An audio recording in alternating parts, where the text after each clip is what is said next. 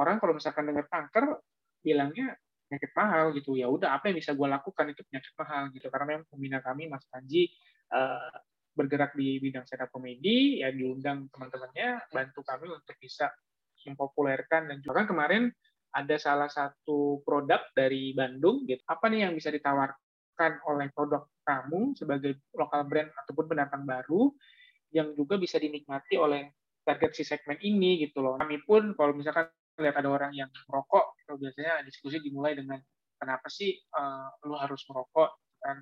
Karena di sini ada loh adik-adik kami yang uh, juga berjuang melawan kanker.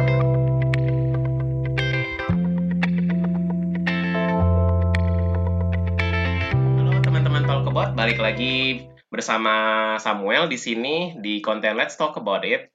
Dan di sini kita masih ngomongin tentang kolaborasi dengan berbagai UMKM dan salah satu yang menurut kami dari Talkabot kayaknya sih lumayan menarik untuk diajak ngobrol-ngobrol di sini adalah Mas Raka Pramudito di sini sebagai ketua yayasan dari Pita Kuning. Halo Mas Raka.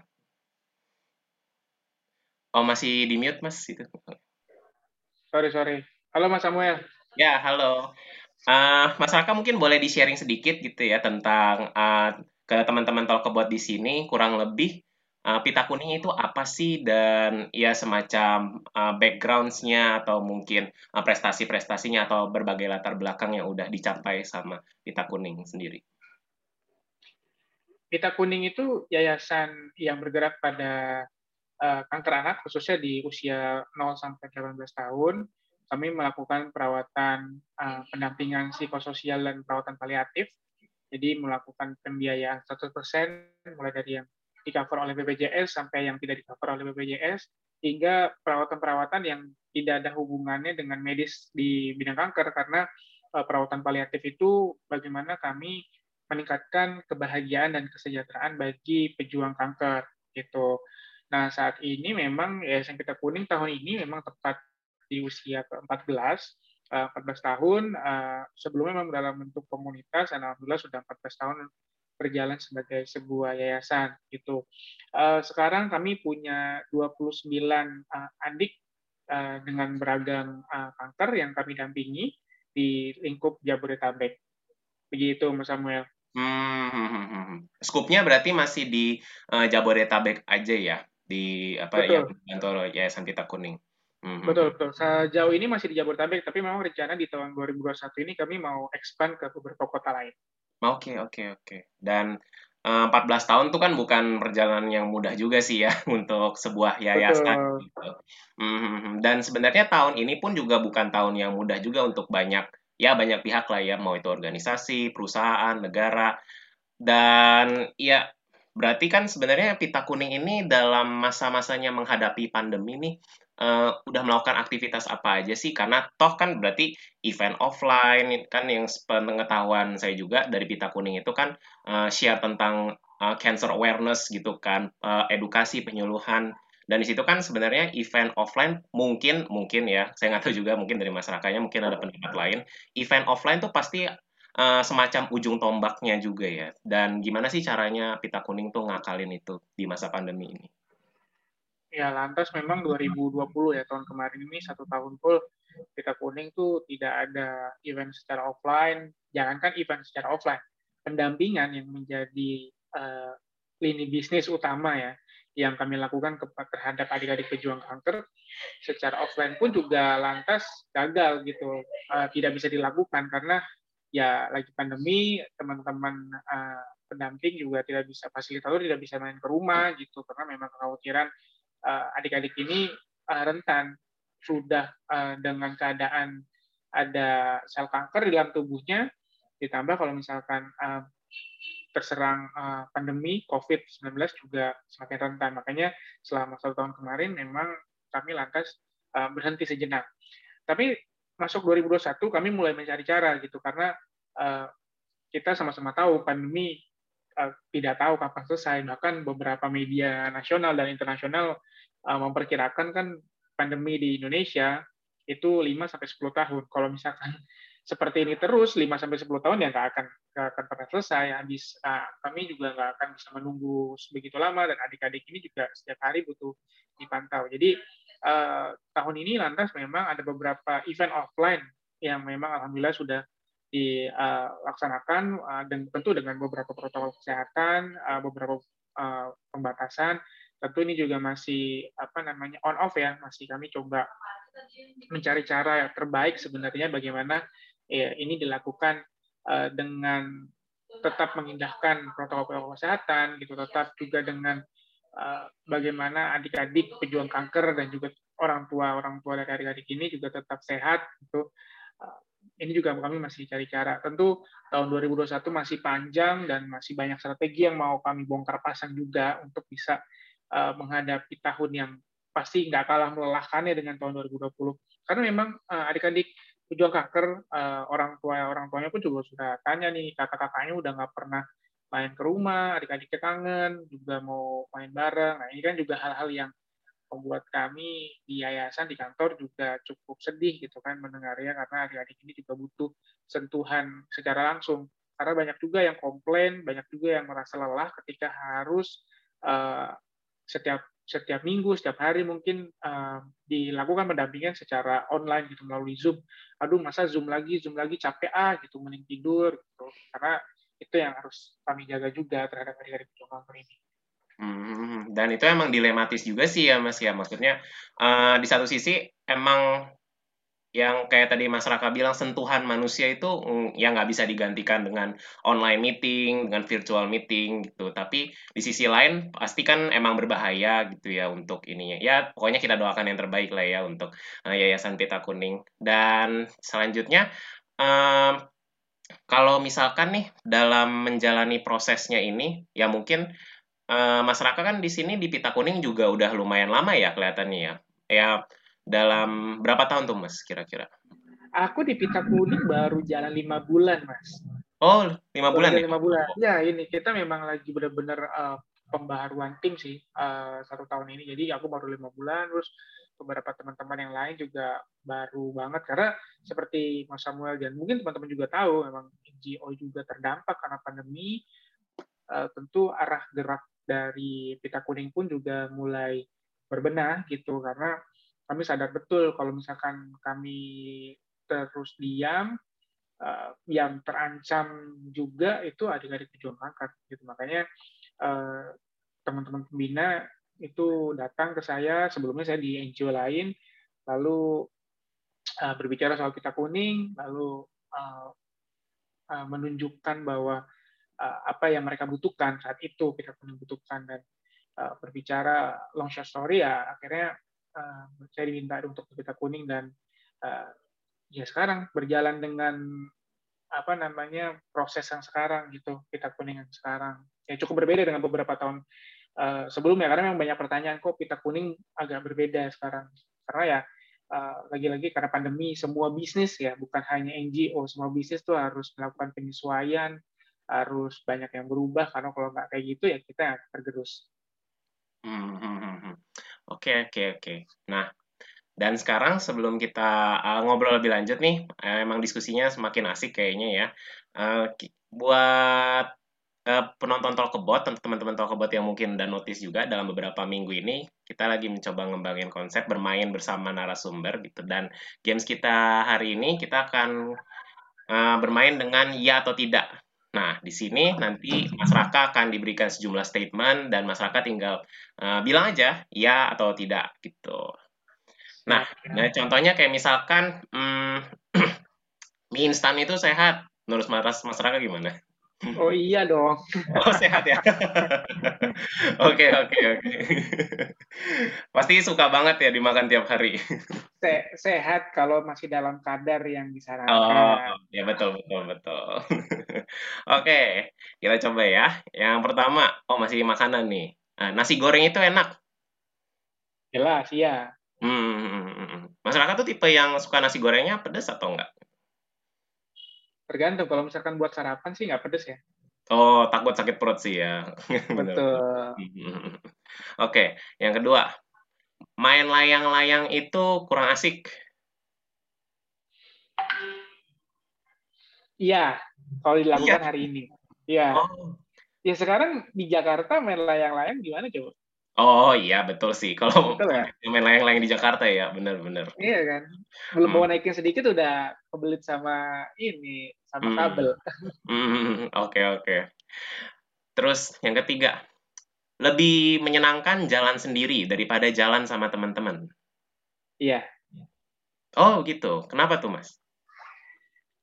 Karena kalau jalan sama teman-teman biasanya banyak buang waktunya. Hmm gitu ya. Oke oke. Dan kalau misalkan konteksnya nih dalam membangun bisnis atau mungkin apa pun ya, lebih enak sebenarnya ngerjain sendiri atau sama teman-teman gitu. Atau oh, mungkin sama yang nggak kenal gitu. Just, just, justru sama teman. Pasti kalau saya mau mulai bisnis ataupun mau mulai sebuah pergerakan, pasti saya ngomongin teman yang uh, saya udah tahu track record terhadap isu tersebut gitu. Pasti saya hubungi dia. Nggak mungkin saya gerak jadi. Hmm, oke okay, oke okay, oke. Okay. Dan ini ya dalam konteks misalkan uh, pita kuning sendiri gitu. Sempat kan dalam beberapa waktu yang lalu kalau nggak salah Februari atau Januari yang saya lihat di Instagramnya itu sempat kolaborasi juga ya sama uh, beberapa lokal brand dan juga seniman dalam fundraising gitu. Boleh share nggak sedikit kira-kira Mas Raka itu ide awalnya tuh dari mana sih kok bisa kepikiran kayak gitu? Ya, kalau ide awalnya memang dari brand-brand tersebut ya yang mendatangi kami untuk bisa kerjasama kolaborasi gitu karena mereka juga menaruh perhatian terhadap isu kanker anak gitu. Jadi yang kalau untuk yang lokal brand uh, mereka apa namanya memproduksi sebuah uh, masker gitu kan mengalami pandemi tapi juga dengan dibantu goresan dari adik-adik uh, binaan pita kuning gitu. Hmm. Uh, jadi itu jadi desain tertentu, lalu dijual melalui platform mereka, nanti ada beberapa keuntungan yang akan didonasikan di pita kuning. Kalau untuk yang seniman, sama uh, exhibitionnya uh, dibantu oleh seniman-seniman di uh, Indonesia, lalu ada beberapa adik-adik yang dilibatkan untuk bisa menggambar gitu, lalu sentuhan-sentuhannya disempurnakan oleh para seniman itu dan hasilnya dijual, dilelang lebih tepat dilelang dan hasil lelangnya uh, di apa namanya 100% didonasikan di pita kuning gitu. Jadi memang idenya idenya dari mereka bahwa oh. memang mereka selama lagi pandemi bukan berarti uh, menghalangi waktu mereka untuk berbagi gitu. Justru ini kesempatan mereka bahwa uh, bukan hanya pandemi uh, yang memang harus di, di apa namanya ditaruh perhatian bukan berarti itu nggak penting tapi ada isu yang lain yang juga masih menjadi momok gitu karena kan kanker ini masih menjadi pembunuh nomor satu di dunia hingga tahun kemarin. Jadi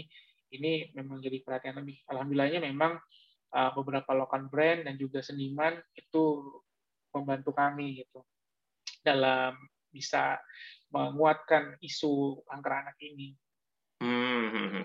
ini kalau boleh tahu ini kolaborasi pertama atau sebenarnya kita kuning pun sebelum-sebelumnya pernah melakukan kegiatan yang sama gitu dalam berkolaborasi dengan uh, entah itu seniman atau lokal brand?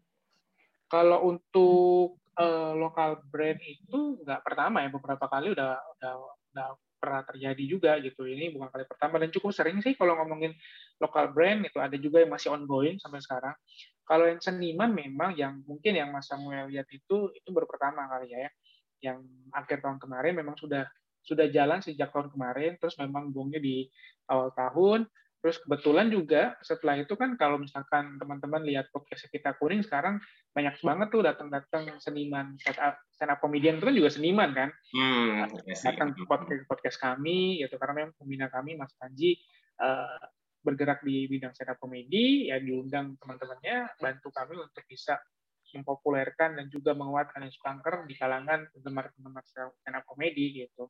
Hmm, dan itu Um, kalau dari segi viewers atau dan saya juga sempat nonton sih beberapa kali di YouTube channelnya uh, Pita Kuning. Secara viewers tuh sebenarnya lumayan oke okay ya. Eh, nggak tahu deh dari um, apa namanya matriksnya uh, Pita Kuningnya sendiri gimana. Cuman ada nggak sih yang benar-benar uh, berdampak gitu dari uh, kolaborasinya dengan senimannya ini gitu ya termasuk oh, berdampak berdampak berdampak banget mas kalau untuk yang berbicara soal yang podcast yang di YouTube itu uh, memang jalan itu setelah saya masuk lalu sampai sekarang itu berdampaknya kalau bisa dibilang hampir 200% setiap bulannya.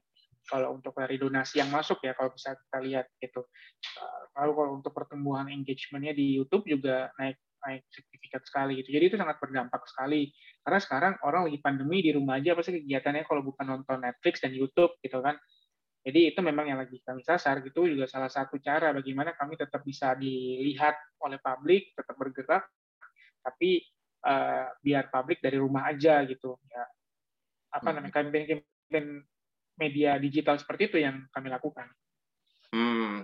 Dan sebenarnya ini kalau buat tolak ukurnya itu karena sebenarnya social campaign itu kan um, ya nggak bisa dipungkiri lah ya. Sebenarnya social campaign itu bukan termasuk strategi yang uh, menarik kalau tujuannya itu untuk oh, mungkin perusahaan atau bisnis gitu ya untuk meningkatkan sales. Karena kan jadinya justru kita yang keluar uang gitu kan uh, tanpa harus berharap oh ini nanti akan membantu sales. Beda kalau misalkan pasang iklan di TV atau di YouTube gitu. Dan itu kalau itu kan pasti akan meningkatkan sales. At least seenggaknya brand awareness-nya semakin uh, tercapai gitu. Nah sebenarnya apa sih keuntungan kalau mungkin dari perspektifnya masyarakat sendiri ya uh, keuntungan yang didapat dari either si brand atau si pita kuningnya sendiri itu apa sih sebenarnya dalam melakukan social campaign ini?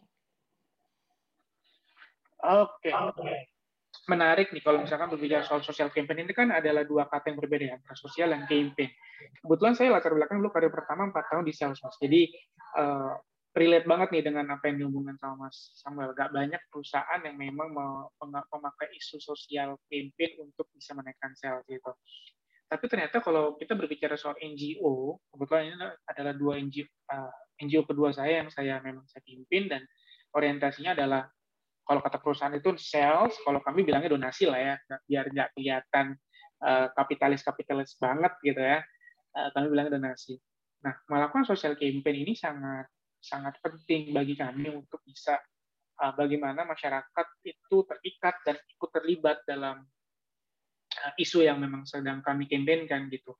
Nah, tapi yang menjadi sulit adalah mencari celah bagaimana uh, masyarakat ini bisa bisa aware, bisa bisa melihat karena jika berbicara soal isu kanker, uh, masyarakat Indonesia masih menganggap isu kanker itu isu uh, isu sekunder lah, isu yang bukan bukan utama kalau berbicara soal isu-isu uh, sosial, pendidikan, lalu isu soal kemiskinan itu masih masih nomor satu. Tapi kalau ngomong kesehatan dan juga ada kanker gitu, orang kalau misalkan dengar kanker bilangnya penyakit mahal gitu. Ya udah apa yang bisa gue lakukan itu penyakit mahal gitu nggak bisa.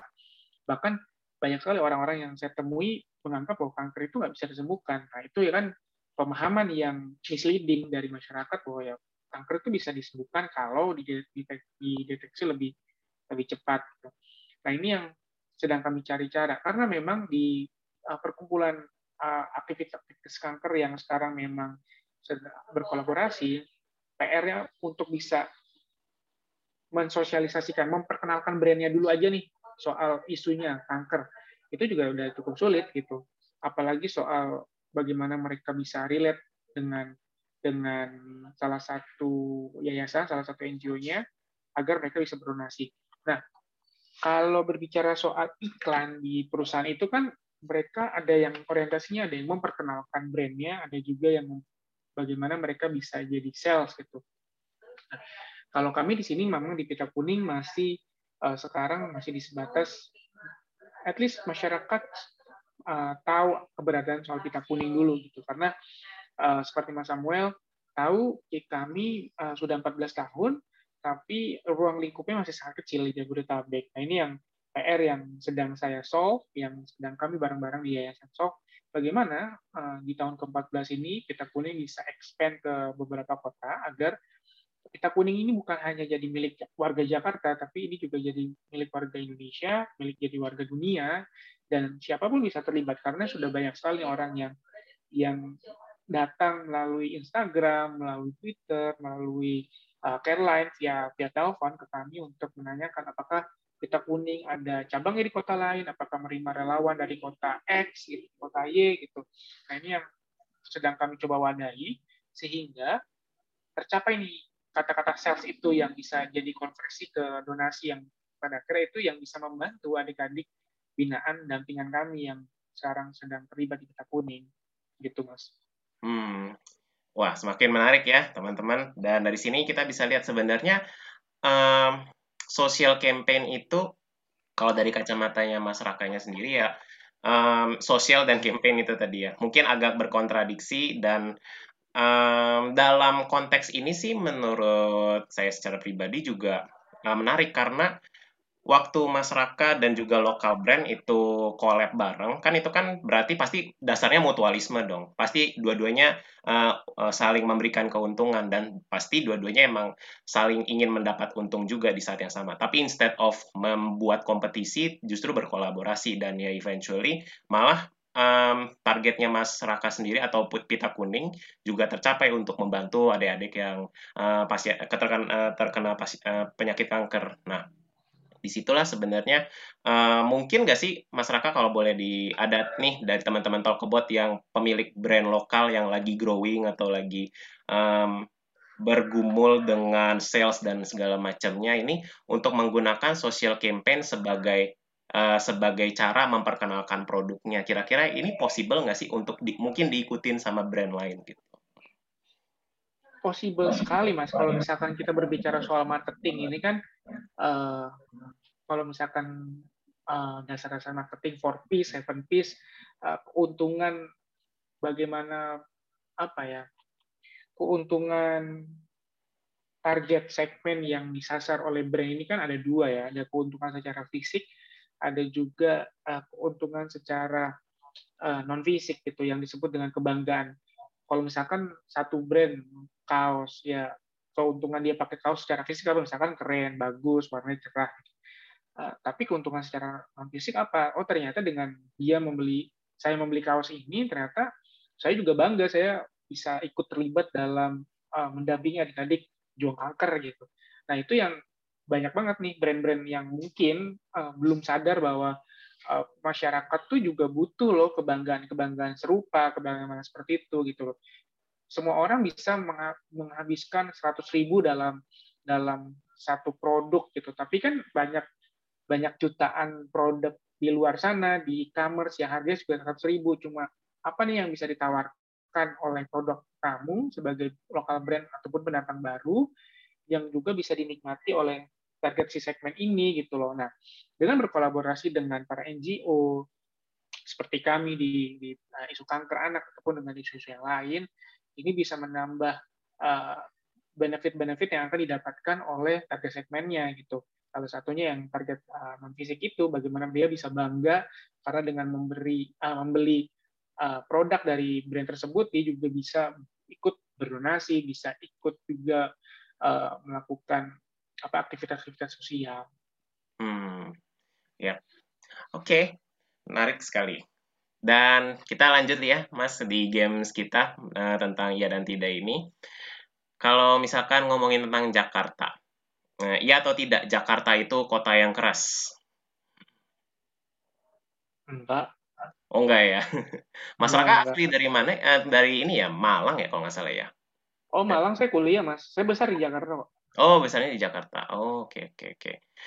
Terus kenapa tuh Mas? Kan banyak yang ngerasa, wah keras nih hidup di Jakarta, banyak tekanan. Nah, saya selalu bilang kalau misalkan hidup uh, hidup di Jakarta terlalu keras, ah, mungkin lu nya aja yang terlalu lembek. Oh, oke oke. Sama aja kok hidup di kota-kota lain juga tergantung kita menyikapi, menyikapi hidup seperti apa. Kalau misalkan hmm. kitanya keras ya hidup nggak akan keras sama kita. Gitu sih buat saya. Oke, okay. Ini juga menarik nih. Saya suka grogi cek saldo ATM di akhir bulan. Bukan lebih grogi ya, Mas. Lebih ke menangis sih. Oh, menangis. Oke, oke, oke. Kalau grogi kan sungkan. Ya ngapain sungkan sama sama oh. saldo sendiri? Menerima kenyataan itu ya. Kita terima aja lah, Mas. Apalagi kerja di dunia sosial itu kan ya udahlah. Ya, ya, ya, ya, ya. Oh, ini bisa relate sih ke pertanyaan selanjutnya. Membantu orang itu melelahkan, iya atau tidak? Oh tidak mas, menyenangkan oh. justru. Hmm, hmm, hmm, ini bukannya itu ya sebenarnya karena emang isu sosial kan bukan ya kalau bahasanya masyarakat tadi isu sekunder gitu ya. Bukannya itu um, menguras hati banget sebenarnya ya buat mengingatkan gitu berkali-kali. Ini ini penting loh sebenarnya gitu. uh, ada satu kejadian di hidup saya mas di mana uh, ada satu momen saya bekerja memang untuk mencari uang. Tapi uh, ada satu momen ketika saya cari uang satu momen di mana semua harta itu diambil begitu aja itu momen itu menyadarkan bahwa sebenarnya buat apa kita hidup? Saya kerja waktu itu kita mulai di umur 21 kalau misalkan saya akan wafat di umur 60 berarti kurang lebih 40 tahun akan mencari uang untuk diri sendiri yang pada akhirnya harta tersebut saya akan tinggalkan gitu kan. Saya berpikir ya buat apa saya cari-cari uang banyak ujung-ujungnya harta itu nggak akan bawa saya ke, ke, ke ketika saya mati gitu. Ya udah kehidupan terbaik itu adalah ya kita bantu sesama uh, uang rezeki itu ada nilai apa nilai plus lah nilai tambah yang mungkin saya akan dapatkan gitu. Jadi uh, saya nggak pernah merasa capek sih mas untuk membantu orang ya atau bekerja seperti ini gitu. Karena hmm. uh, alhamdulillahnya teman-teman di sini sadar bahwa membantu orang itu adalah energi alasan mereka untuk tetap bisa bekerja dan justru saya melihat teman-teman di sini di yayasan kalau mereka lagi nggak kerja justru sakit gitu kan. Oh, karena okay.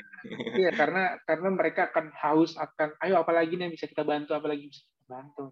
Hmm. Syukurnya di sini teman-temannya kompak sih untuk untuk sepakat bahwa kita kerja memang untuk membantu adik-adik pejuang kanker. Oke okay, oke okay, oke. Okay. Ini bisa relate sih ke pertanyaan selanjutnya. Indi Indonesia itu banyak masalahnya. Setuju nggak, Mbak? Oh iya, ya setuju lah, jelas, jelas. Iya, dan uh, Mas Akra sendiri kan backgroundnya dari ini ya pendidikan politik ya kalau nggak salah dari Brawijaya itu. Nah, betul. Makanya di sini um, apa ya? Bukannya itu juga salah satu apa ya? Ya challenge challenge eksternal ya buat pita kuningnya sendiri.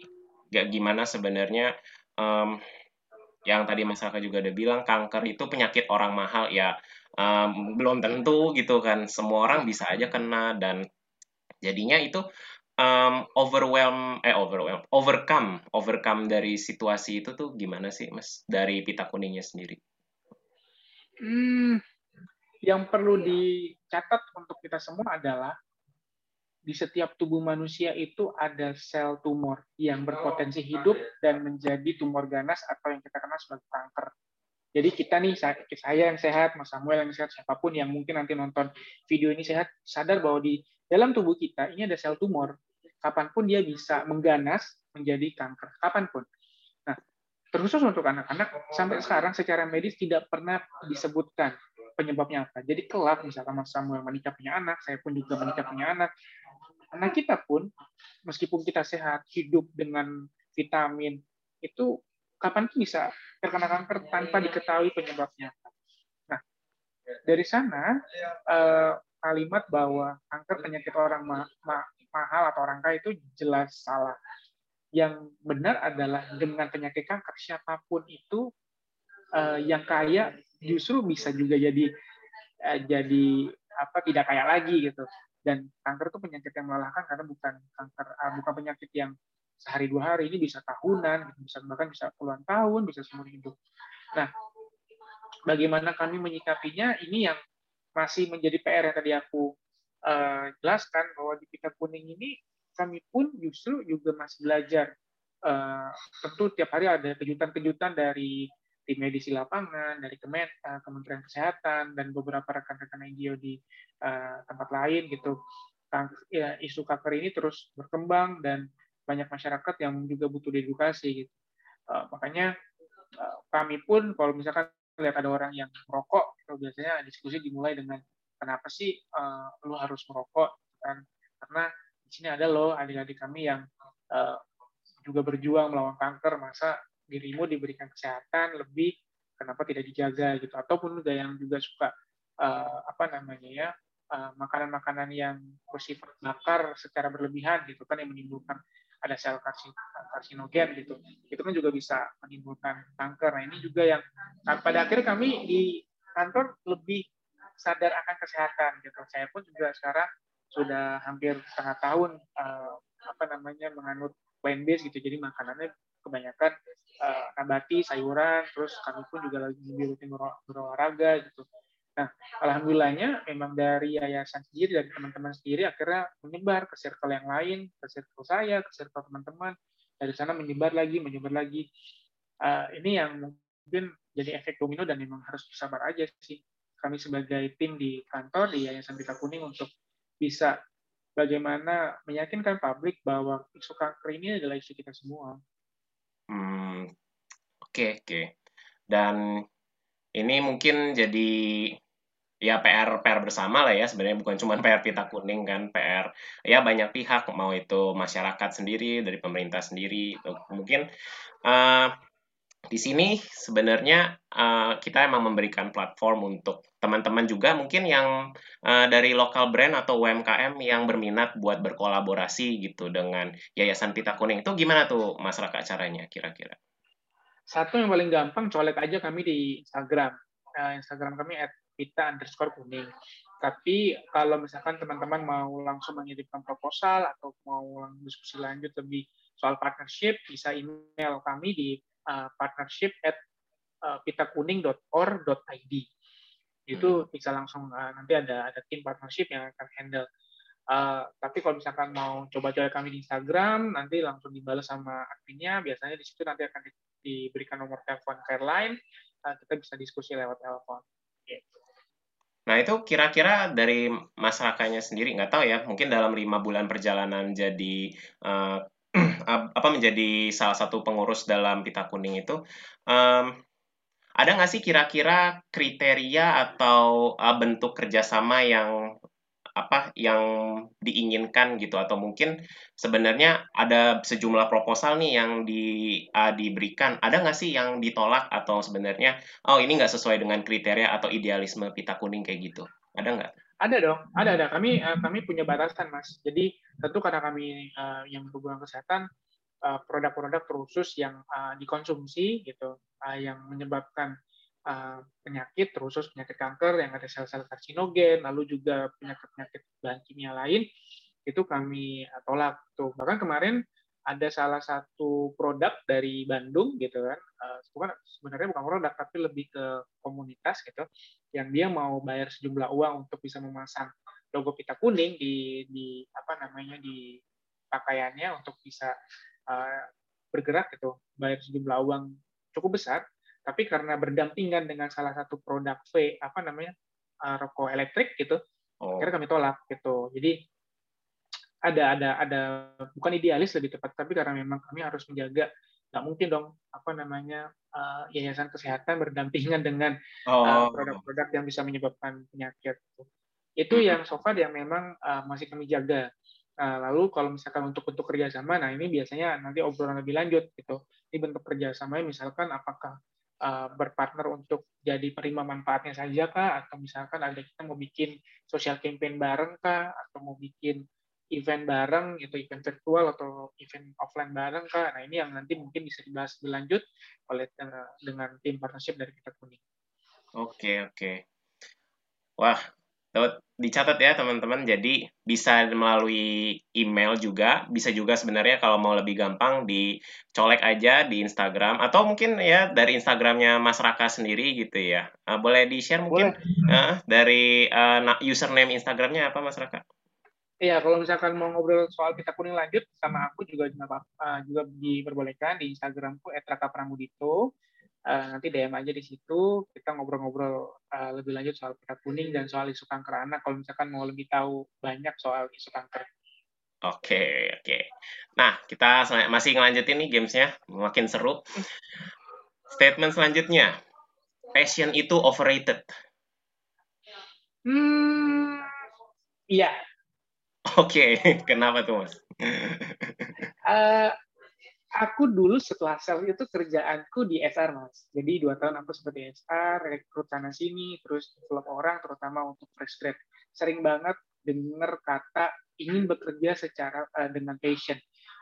Uh, kalau bisa dibilang passion is bullshit menurutku ya, karena di atas passion itu masih ada uh, apa namanya? Kalau orang Jepang menyebutnya dengan ikigai bagaimana passion digabungkan dengan hal-hal lain uh, uh, apa yang dibutuhkan sama dunia, kita jagonya di mana, ahlinya di mana, terus uh, bagaimana kita bisa berkontribusi di mana. Nah ini yang banyak masyarakat atau mungkin anak-anak muda zaman sekarang semua landasannya passion. Dan berbicara soal passion mereka cuma taunya hobi gitu. Ya eh, hobi gue sepak bola passion gue sepak bola gue mau jadi pemain bola. Nah ini yang ya banyak yang menjadikan akhirnya passion itu adalah alasan mereka untuk tidak berjuang lebih keras gitu. Nah ini yang yang menurut saya benar.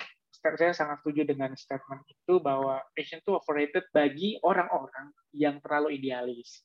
Hmm. Tapi kalau misalkan orang-orang yang bisa memanfaatkan soal passion uh, dan bisa sadar bahwa hidup itu nggak seidealis itu, uh, pada akhirnya kelak dia pun juga pasti akan bisa bertemu dengan passionnya di satu titik yang sama dan dia di, dan dia akan hidup dengan passionnya itu sendiri.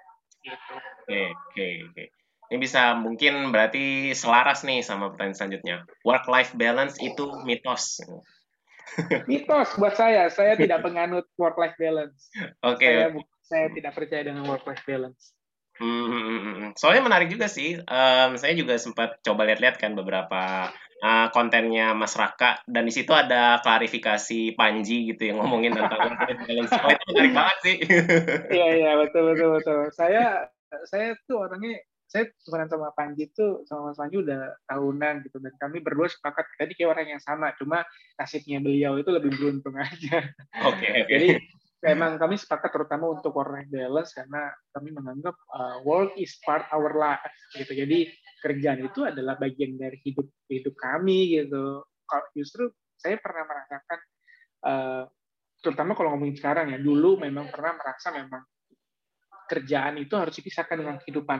Ternyata kalau misalkan dilihat dari sekarang, oh dulu tuh gue nggak suka sama kerjaannya gitu dulu tuh hmm. kerjanya bukan gue banget nah sekarang karena kerjaannya adalah kerjanya raka banget dan saya suka uh, bisa hidup dari sini nah ini yang akhirnya otak nih nggak pernah bisa berhenti berpikir.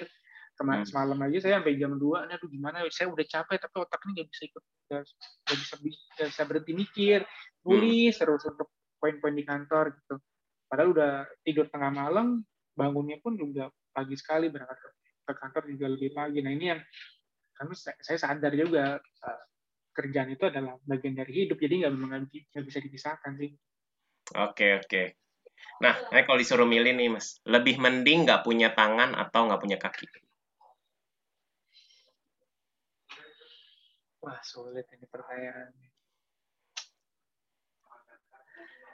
ini sulit banget pertanyaannya.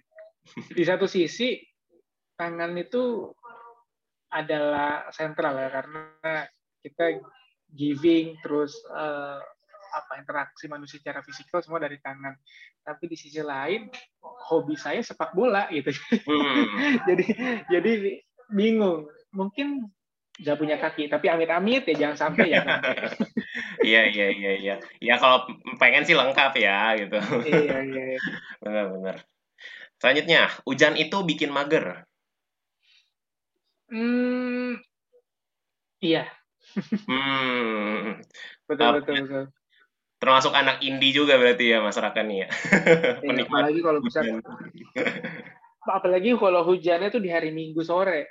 Oh iya iya iya. iya. Hmm. Itu yang yang benar-benar aduh besok Senin saya lagi di saya masih di rumah masih agak enak lagi nyantai-nyantai. Ini yang yang bikin harusnya ada persiapan beberapa meeting yang harus persiapkan akhirnya jadi udah deh satu satu episode lagi deh di Netflix. Hmm. gitu. akhirnya satu episode lagi satu episode lagi akhirnya jadi 10 episode. Oke oke oke ya selalu begitu sih ya. Dari satu tiba-tiba jadi 10 hmm. oke. Selanjutnya pandemi ini menyebalkan gitu. enggak kalau buat saya. Oh enggak ya? Oke.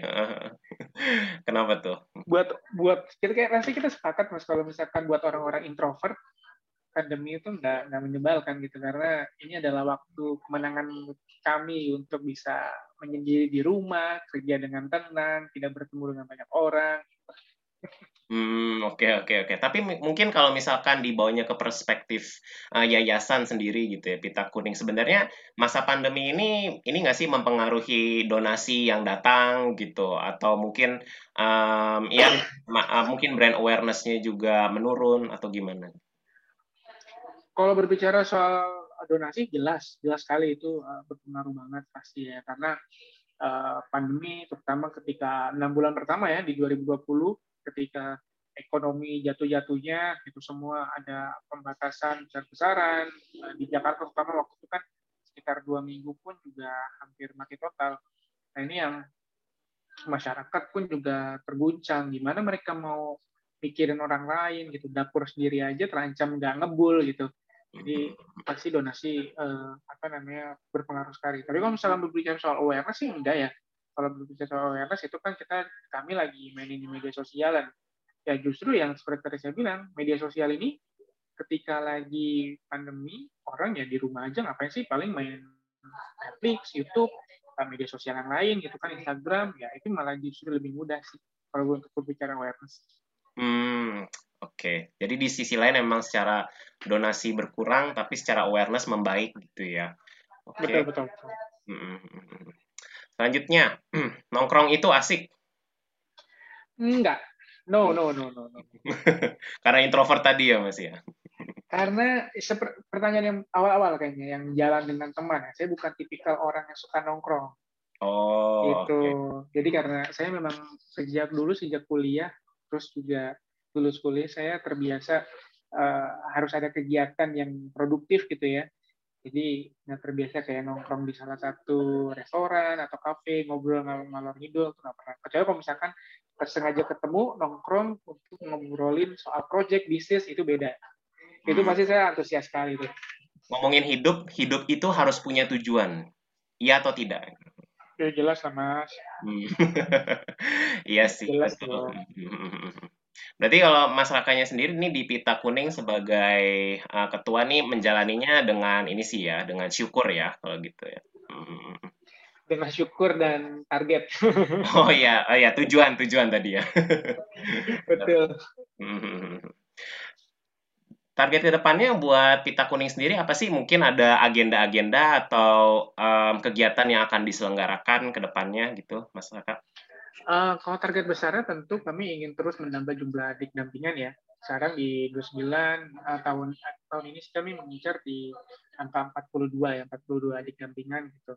Uh, semoga bisa tercapai dan mungkin tercapai bisa lebih.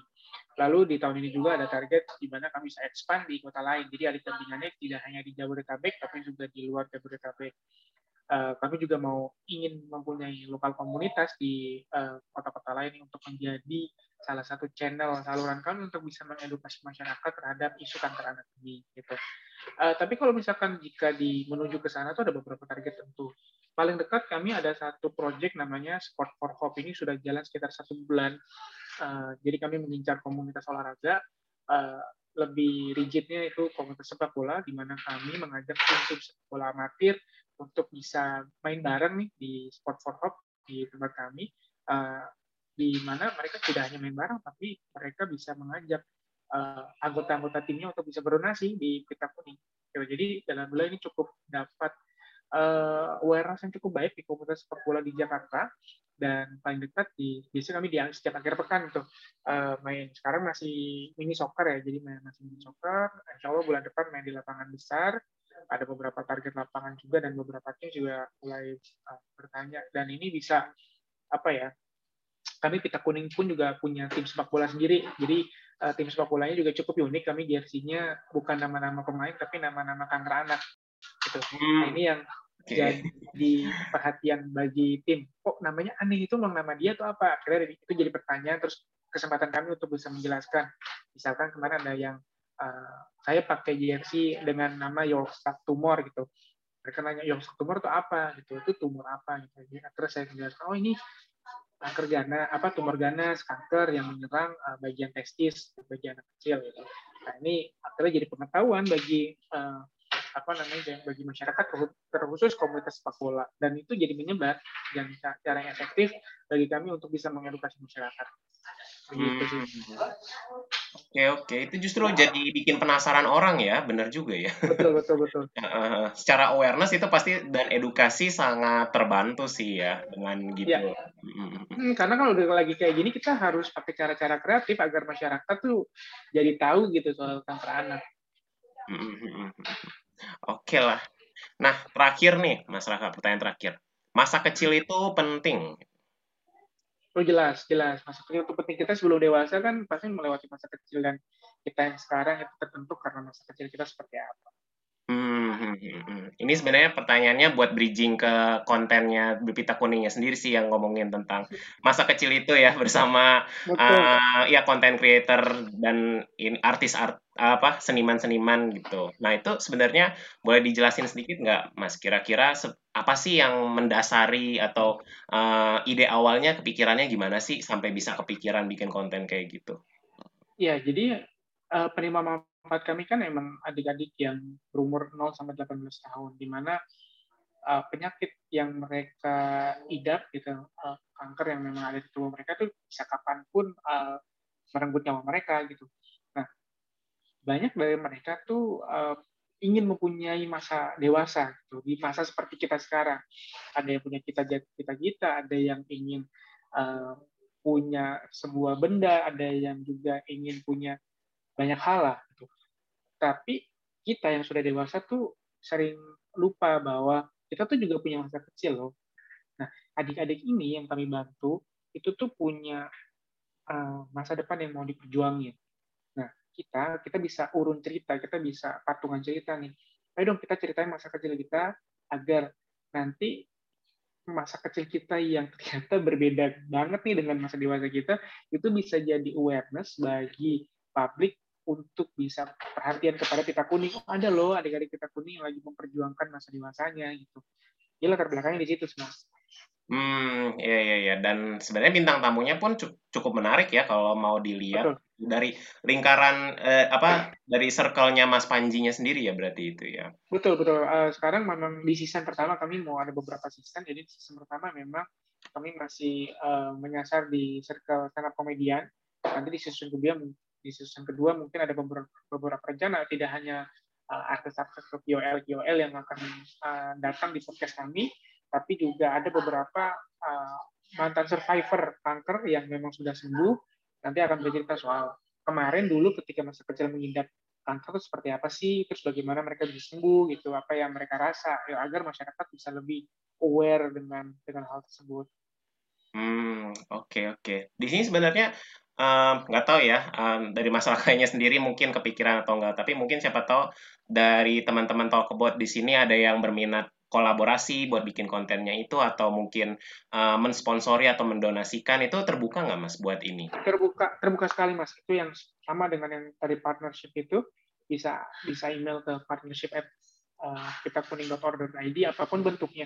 Sudah sudah cukup banyak brand dan produk yang masuk ke kami untuk bisa brand placement lah atau kasih sponsor apalah tapi mungkin memang lagi dalam tahap negosiasi aja sih jadi teman-teman yang punya brand atau punya uh, bentuk kolaborasi nggak punya brand tapi misalkan punya tenaga punya waktu ataupun juga punya hal-hal lain yang bisa dikolaborasikan dengan kita kuning monggo paling gampang colek kami aja di Instagram @kita underscore kuning Oke deh. Dan uh, pertanyaan tadi menutup buat sesi kita hari ini di sesi Let's Talk About It. Uh, thank you banget Mas Raka buat waktunya dan juga kesempatannya bisa ngobrol. Dan semoga teman-teman talk about di sini yang uh, mungkin sedang dalam masa-masa uh, mengembangkan brandnya atau mungkin perusahaannya atau usahanya juga bisa uh, punya kesempatan untuk ya untuk mendengarkan sedikit cerita dari masyarakatnya sendiri dan juga mungkin kalau mau berkolaborasi juga terbuka banget buat ya sama Yayasan Pita Kuning dan mungkin uh, ada satu patah dua patah kata masyarakat sebelum kita menutupi sesi kita hari ini dari ya atas nama Ketua Yayasan Pita Kuning.